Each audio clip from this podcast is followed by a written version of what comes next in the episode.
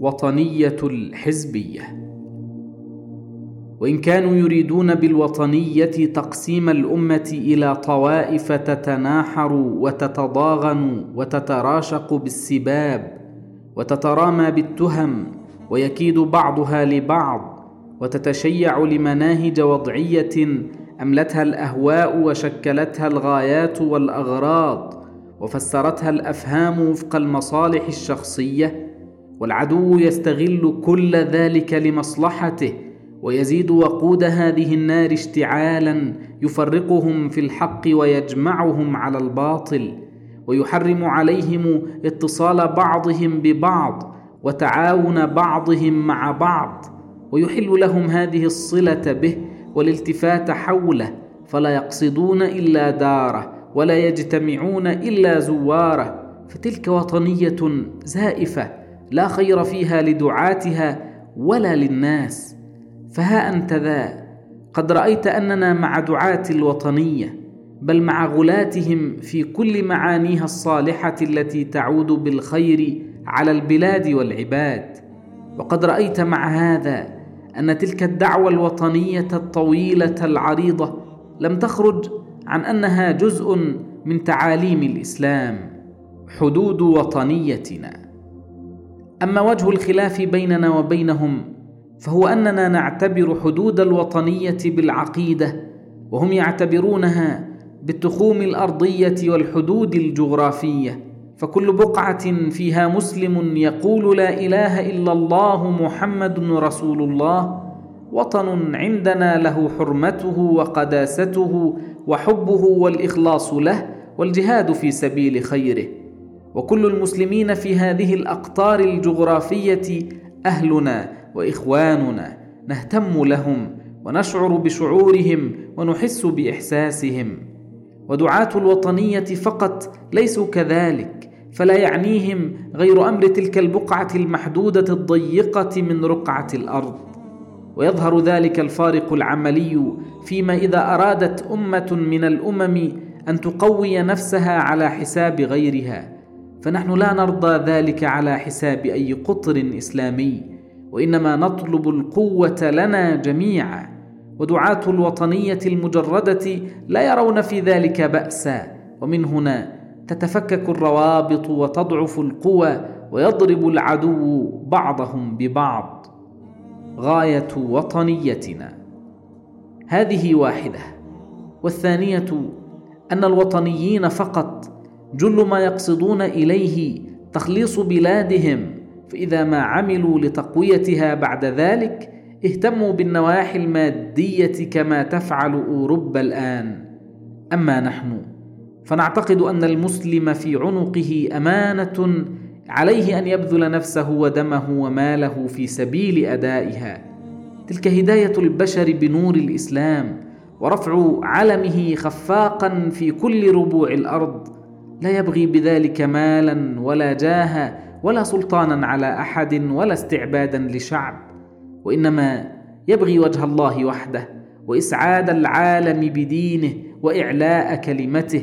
وذلك ما حدا بالسلف الصالحين رضوان الله عليهم إلى هذه الفتوح القدسية التي أدهشت الدنيا وأربت على كل ما عرف التاريخ من سرعة وعدل ونبل وفضل. وأحب أن أنبهك إلى سقوط ذلك الزعم القائل إن العمل على هذا المبدأ يمزق وحدة الأمة التي تتألف من عناصر دينية مختلفة.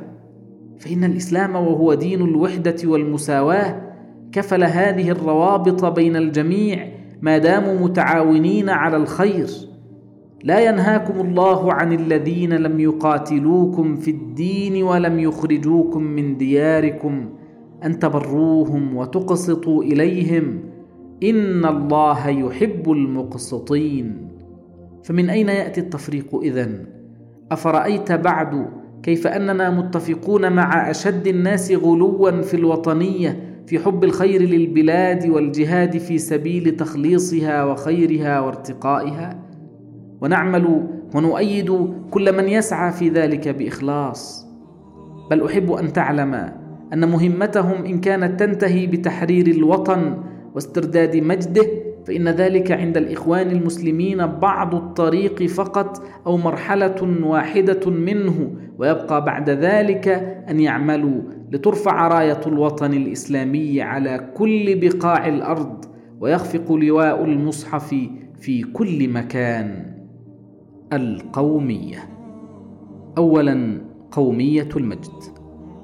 إن الذين كانوا يعتزون بمبدأ القومية يقصدون به أن الأخلاف يجب أن ينهجوا نهج الأسلاف في مراقي المجد والعظمة ومدارك النبوغ والهمة وأن تكون لهم بهم في ذلك قدوة حسنة وأن عظمة الأب مما يعتز به الإبن ويجد له الحماس والأريحية بدافع الصلة والوراثة فهو مقصد حسن جميل نشجعه ونأخذ به.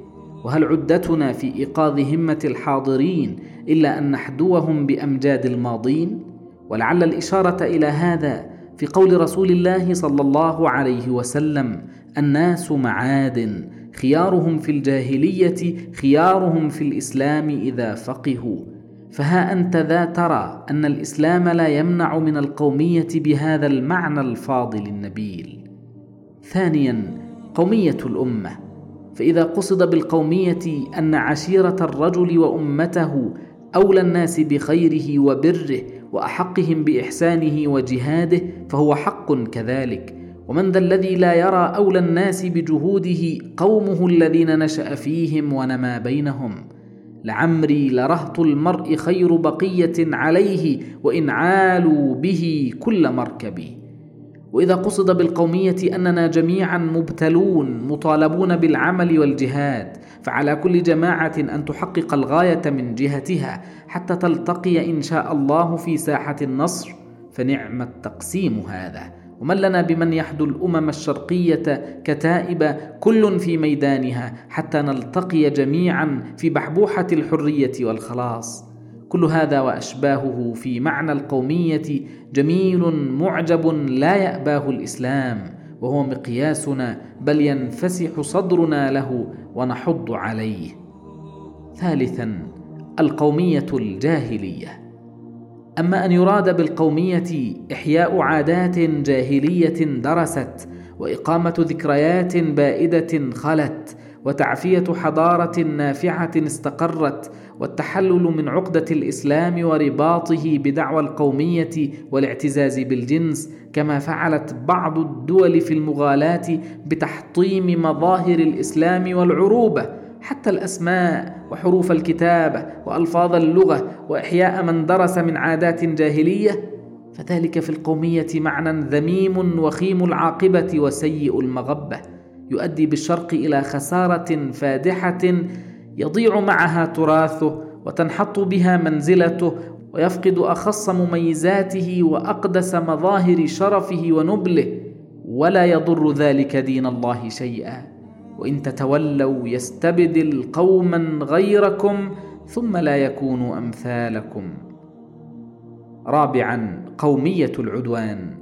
وأما أن يراد بالقومية الاعتزاز بالجنس إلى درجة تؤدي إلى انتقاص الأجناس الأخرى والعدوان عليها والتضحية بها في سبيل عزة أمة وبقائها كما تنادي بذلك ألمانيا وإيطاليا بل كما تدعي كل أمة تنادي بأنها فوق الجميع فهذا معنى ذميم كذلك ليس من الإنسانية في شيء. ومعناه أن يتناحر الجنس البشري في سبيل وهم من الأوهام لا حقيقة له ولا خير فيه.